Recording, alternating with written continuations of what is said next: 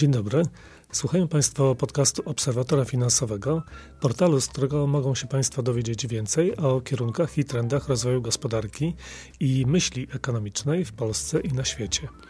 Można nas czytać na stronie www.obserwatorfinansowy.pl. Ja nazywam się Maciej Danielewicz, jestem redaktorem naczelnym portalu Obserwator Finansowy, a rozmawiam dziś z panem Maciejem Stefańskim, ekspertem Departamentu Analiz Ekonomicznych NBP. Dzień dobry. Dzień dobry. Mm, będziemy dziś rozbijać mity. Chodzi oczywiście o mity w ekonomii, bardziej precyzyjnie o utrwalone w świadomości współczesnych społeczeństw wyobrażenia opozycji najbardziej rozwiniętych państw y, w mm, gospodarce światowej. Stany Zjednoczone, Unia Europejska, Japonia. Jak postrzegamy te gospodarki, ich potencjał rozwojowy, poziom innowacyjności, zaawansowanie technologiczne, Stany Zjednoczone zasadniczo dominują i raczej nie mają konkurencji, tak? Jeżeli spojrzymy na po prostu na prostą miarę, czyli PKB, post najbardziej podstawową miarę, to rzeczywiście tak jest, tak? Czyli, czyli wzrost PKB w Stanach Zjednoczonych w ostatnim 30-leciu był zdecydowanie wyższy niż w Unii Europejskiej czy, czy w Japonii. Również PKB per capita, czyli naj, najprostsza miara e, poziomu rozwoju gospodarczego, tutaj Stany Zjednoczone zdecydowanie górują nad Europą i Japonią. Problem jest niestety taki, że to PKB nie jest najlepszą miarą e, rozwoju gospodarczego. E, dlaczego? PKB może rosnąć e, wyłącznie ze względu na efekt skali, czyli na przykład przyrost naturalny. Tak? Po prostu mamy, mamy więcej, więcej ludzi, więcej pracowników, więc PKB rośnie. I rzeczywiście pod względem tego przyrostu naturalnego te największe gospodarki rozwinięte wyraźnie się różnią. W Stanach Zjednoczonych przyrost naturalny jest całkiem wysoki, wynika to i z całkiem niezłej nadal, całkiem niezłego nadal poziomu e, dzietności, e, współczynnik dzietności koło dwóch e, oraz oczywiście na, napływu imigrantów. Do Europy imigranci też napływają, ale współczynnik dzietności jest, jest dużo niższy.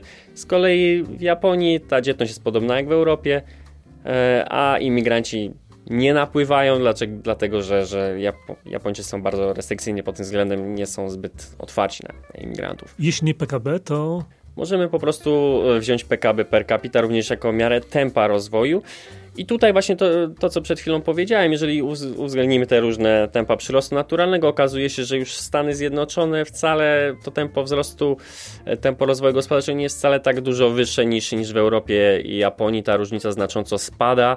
E, jeżeli chodzi o samo PKB, może przy, przytoczę liczby, e, to mamy średnie tempo w ostatnim 30-leciu w USA 2,6, w Unii Europejskiej 1,6, a w Japonii zaledwie 0,9, a przy PKB per capita te różnice już są znacznie niższe, ponieważ to jest w USA 1,6, e, w, w Europie 1,3, a, a w Japonii 0,8, więc nadal one istnieją, ale, ale są znacząco niższe. E, jednak to, to PKB per capita również nie jest jakby mm, idealną miarą e, rozwoju gospodarczego. Dlaczego? No bo mamy też jakby dalece nie wszyscy e, ludzie uczestniczą w wytwarzaniu tego PKB, tak? E, czyli pracownicy i oczywiście też osoby prowadzące działalność gospodarczą, ich, ich e, odsetek w, w społeczeństwach różni się pomiędzy krajami. Wynika to oczywiście ze struktury wiekowej populacji, tak? Dużo osób nie pracują dlatego, że są na emeryturze, dlatego, że się uczą. E, również z po, poziomu zdrowia, tak, czyli, czyli problem, problemy zdrowotnych, dlatego też nie pracujemy, no albo po prostu y, nie pracujemy, bo nie musimy, bo y, członkowie naszej rodziny zarabiają wystarczająco dużo. Albo na przykład y, wystarczają nam zasiłki społeczne.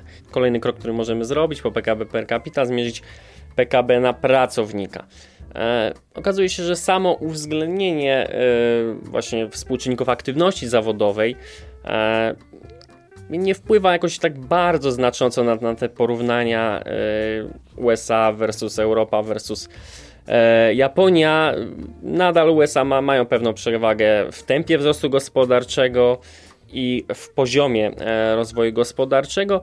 Może tylko we, we, na przykład wewnątrz Europy mamy, mamy pewne ciekawe przetasowania. To może zaznaczę, że yy, powszechnie się twierdzi i też pod względem PKB per capita się Niemcy się, się wyróżniają w Europie, a jeżeli weźmiemy na PKB na pracownika, to okazuje się, że Francja jest na pierwszym miejscu przed Włochami, a Niemcy są dopiero na dalszym miejscu. To jest zaskakujące akurat, tak? Bo w ogóle południe Europy, czy na przykład Francja w porównaniu z Niemcami, raczej uważałoby się, że tutaj ta produktywność jest w Niemczech wyższa. Częściowo pewnie wynika z tego, że we Francji jakby te, te zachęty do, do pracy są trochę mniejsze, więc ten, ta, ta aktywność e, zawodowa jest nieco niższa, a często jest tak, że jeżeli pracujemy mniej, no to też jesteśmy bardziej wydani. To skrócenie czasu, czasu pracy we Francji jak najbardziej wynika po prostu z preferencji Francuzów, w dużym stopniu przynajmniej wynika z preferencji Francuzów, że chcą po prostu pracować mniej niż na przykład Amerykanie. I to oczywiście może się przekładać na większą produktywność na godzinę.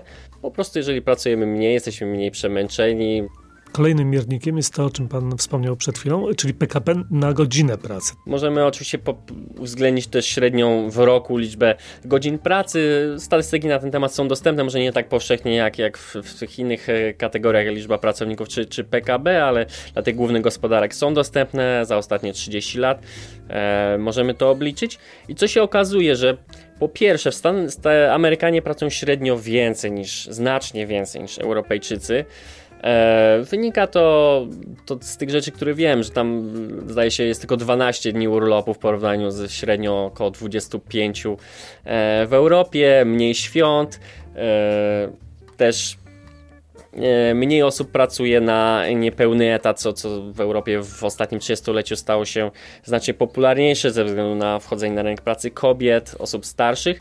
No i właśnie, e, czyli Amerykanie pracują więcej, ale też ta różnica w czasie się zwiększa, tak? Więc, więc w 90 roku też już pracowali więcej niż Europejczycy, ta różnica nie była tak duża. Teraz e, jest, wynosi niemal rzędu 40%, tak? czyli że przeciętny Amerykanin pracuje o 40% godzin więcej w roku niż, e, niż na przykład Niemiec czy Holender zwłaszcza, bo, bo, to są te, te kraje, gdzie ta średnia liczba godzin pracy jest najniższa w Europie Zachodniej. E, więc jeżeli to uwzględnimy, to się okazuje, że po pierwsze poziom PKB na godzinę pracy e, w Europie jest już zbliżony do tego w Stanach Zjednoczonych, a w latach 90. był nawet wyższy, jak się okazuje.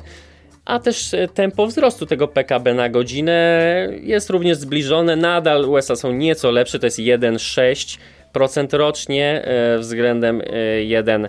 4 w tej części Europy, powiedzmy północno-zachodniej, tak, czyli po odliczeniu południa i, i Wysp Brytyjskich. E, więc nadal Stany Zjednoczone tutaj padają trochę lepiej, ale tak naprawdę jest to wypadkowa tylko jednego jakby podokresu tego ostatniego 30-lecia, czyli e, lat 2000, czyli do tego, co było przed kryzy, tuż przed kryzysem. Wtedy ten wzrost Europie był był relatywnie niski i w Niemczech, wiemy, wtedy Niemcy przechodziły przez pewne problemy gospodarcze, dość wysokie bezrobocie, niski wzrost gospodarczy. Na południu Europy też był niski mimo boomu, a raczej być może ze względu na, na boom na rynku nieruchomości, co powodowało przenoszenie e, aktywności gospodarczej do, do tych mniej wydajnych sektorów, jak właśnie budownictwo. A jak Polska wygląda na tym tle, na tle właśnie zachodniej Europy, czy właśnie, y, nie wiem, czy można porównać z, ze Stanami, z Japonią, czy raczej krajami Europy? Znaczy zawsze, zawsze naszym punktem odniesienia są Niemcy, tak? Zawsze porównujemy się z, z Niemcami. E, I tu trzeba powiedzieć, że według jakby z tych standardowych e, statystyk, czyli, czyli na przykład e, PKB per capita, jeżeli chodzi o poziom rozwoju, tutaj jesteśmy na poziomie 60% Niemiec, czyli daleko, ale jakby zbliżamy się oczywiście. Przez ostatnie 30-lecie ten dystans się znacząco zmniejszy, bo na początku lat 90. to było około 30% tego poziomu niemieckiego. E, niestety, jeżeli weźmiemy pod uwagę PKB na godzinę, ten dystans się zwiększa. Dlaczego? Bo, bo Polacy pracują przede wszystkim więcej yy, niż Niemcy, czyli nasz średni czas pracy jest znacznie dłuższy. Yy, nie wynika to. Ale mniej efektywny w takim razie, tak? Tak, tak. No zdecydowanie. Z czego to wynika?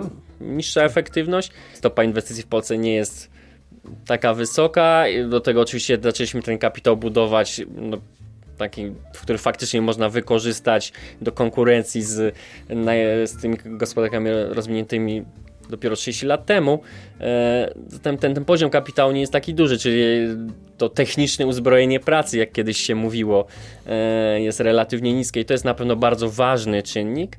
E, druga rzecz no to jest na pewno ta, e, to tak zwane TFP, czyli, czyli właśnie już to, ta produktywność po, po uwzględnieniu e, kapitału. Ona też oczywiście w Polsce jest niższa niż w Niemczech. Tutaj z czego to wynika? Pewnie wynika właśnie to, to jeszcze z niedoskonałych, niedoskonałego zarządzania tymi tymi przedsiębiorstwami, myślę, bo też pewnie, oczywiście też technologia, tak, e, jeżeli chodzi o innowacyjność, tutaj polska gospodarka nadal odstaje, ale mi się, mnie, mi osobiście, wydaje mi się, że, że trochę za dużo mówimy często o tej innowacyjności jako takiej przyczynie, dlaczego Polska jest z tyłu, e, jeżeli chodzi o produktywność, e, to oczywiście też jest ważne, ale mm, jakby ma, mamy, mamy dostęp często do tych technologii. Ta imitacja myślę, że technologicz, pod względem technologicznym jest, stoi na dobrym poziomie, ale problemem myślę, że często jest właśnie to zarządzanie.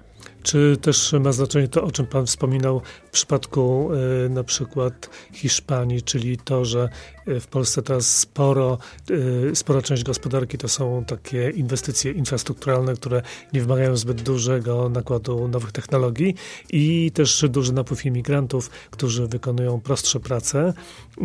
Y, to, to powoduje, że jakby gospodarka jest tutaj w dużej części taka bazowa, a te sprawy nowych technologii, innowacyjności, czy takiej naprawdę wartości dodanej w, w przemyśle, to jest jednak y, mniejsza część. I tak, i nie, bo jeżeli chodzi o inwestycje infrastrukturalne, to one niewątpliwie są konieczne i akurat jeżeli chodzi o inwestycje infrastrukturalne, ta stopa zwrotu szacowana w literaturze ekonomicznej jest, jest bardzo wysoka, tak więc ona zazwyczaj, oczywiście nie, nie wszystkich, bo te decyzje są różne, więc z różnych inwestycji infrastrukturalnych ta stopa zwrotu jest bardzo różna, ale średnio ona, ona jest dość wysoka, więc tutaj akurat bym nie, nie szukał problemu. Też ten sektor budownictwa, on w Polsce E, jest dość duży, no ale właśnie to wynika, wynika z tych, tych inwestycji infrastrukturalnych, które akurat no, są, są po prostu konieczne do rozwoju. One akurat sprzyjają wzrostowi produktywności. Jeśli chodzi o imigrantów, to tutaj trzeba zaznaczyć dwie rzeczy. Generalnie e, tak, no ci imigranci, że oni nie są e, dostosowani tak, do sposobu gospodarowania w danym kraju, to, to prawdopodobnie ta, ta ich produktywność na początku jest E, jest relatywnie niska. Z drugiej strony w statystykach akurat tego do końca nie widzimy, ponieważ e, ci, ci imigranci, którzy w ostatnich latach napływali do Polski, głównie z Ukrainy, nie są uwzględniani w tym, w tym standardowej mierze e, poziomu zatrudnienia, czy liczby pracujących według badania aktywności ludności, ekonomicznej ludności BAEL, więc jakby tutaj nie widzimy tego efektu, tak, e, jeszcze, przynajmniej, przynajmniej w danych, że, że ta produktywność nie rośnie aż tak szybko ze względu na napływ imigrantów. E, w zasadzie to jest trochę tak, że ta w ostatnich latach ten wzrost produktywności nieco był zawyżony niejako, ponieważ nie uwzględniliśmy, nie uwzględnia ta standardowa statystyka napływu imigrantów. Jak w takim razie można podsumować? Na kilku poziomach e, porównał Pan rozwój e, tych głównych gospodarek światowych, krajów rozwiniętych. Jeżeli chodzi o, jeżeli porównamy sobie właśnie produktywność różnych sektorach gospodarki, bo również na, na to spojrzałem, e, pomiędzy Europą a Stanami Zjednoczonymi, e, to okazuje się, że faktycznie tak, w tych, w tych technologiach informacyjnych Stany Zjednoczone przodują, również w usługach finansowych, to też wiemy, że, że ten rozwój rynku kapitałowego tam stoi na wysokim, zdecydowanie wyższym poziomie, poziomie. E, jednak w Europie takie być może e, sektory, o których byśmy nie pomyśleli, że mogą być jakimś źródłem e, wielkiego roz rozwoju, ale, ale w Europie okazują się znacznie bardziej produktywne niż, niż w USA. To jest na przykład hotelarstwo i gastronomia, tak? Czyli okazuje się, że to prawdopodobnie wynika z tego, że ten sektor turystyczny w Europie jest bardzo rozwinięty, zdecydowanie bardziej niż w Stanach Zjednoczonych, to powoduje, że ten poziom rozwoju yy, łącznie, tak, jeżeli weźmiemy pod uwagę, że w niektórych sektorach Stany Zjednoczone prze przeważają, w innych Europa, łącznie ten poziom rozwoju jest podobny. Być może patrząc naprzód, no to y, w Stanach Stan Zjednoczony ma przewagę faktycznie w tych sektorach, gdzie, gdzie ten przyszły wzrost produktywności być może będzie wyższy, tak, więc tutaj można by było tak wybiegając nieco w przód, że ten potencjał dalszego rozwoju e, Stanów jest nieco wyższy, chociaż e, jako nie przesadzałbym bym z, z, siłą tego argumentu, ponieważ zwłaszcza jeżeli spojrzymy na ostatnie 10 lat, tak, to jest jeden z, z kolejnych mitów, że, że to Stany Zjednoczone znacznie lepiej przeszły przez kryzys niż Europa. Oczywiście był ten kryzys e, zadłużeniowy w strefie euro i nawet pomimo tego kryzysu zadłużeniowego produktywność na godzinę pracy w Europie rosła w podobnym tempie co w Stanach Zjednoczonych, mimo też tego rozwoju technologicznego w ostatnim dziesięcioleciu. Tak? Więc, więc być może ten potencjał dalszego rozwoju dla Stanów jest nieco lepszy niż dla Europy, a być może nie. A jeszcze powracając do, do przykładu Japonii, to faktycznie, jeżeli uwzględnimy te, te godziny pracy dla Japonii, to ten, ten, wzrost gospodarczy też był całkiem dobry, podobny jak w Europie, nieco tylko niższy niż, niż w Stanach Zjednoczonych.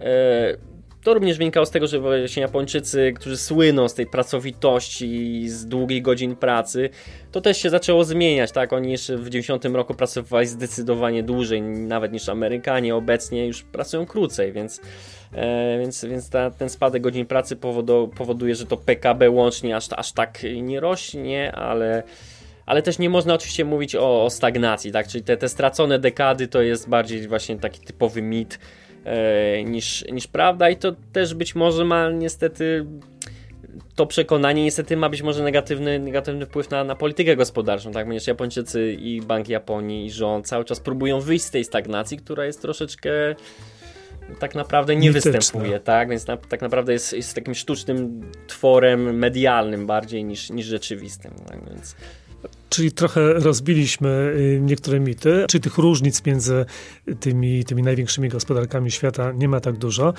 Obserwujmy sytuację, w takim razie czekajmy może na Olimpiadę w Japonii, może to będzie jakiś dla Japonii skok innowacyjny. Dziękuję bardzo za rozmowę. Gościem podcastu Obserwatora e, Finansowego był pan e, Maciej Stefański, ekspert e, Departamentu Analiz Ekonomicznych Narodowego Banku Polskiego. Dziękuję. Dziękuję bardzo za rozmowę. Zachęcam do słuchania podcastów Obserwatora i do czytania naszego serwisu. Dziękuję.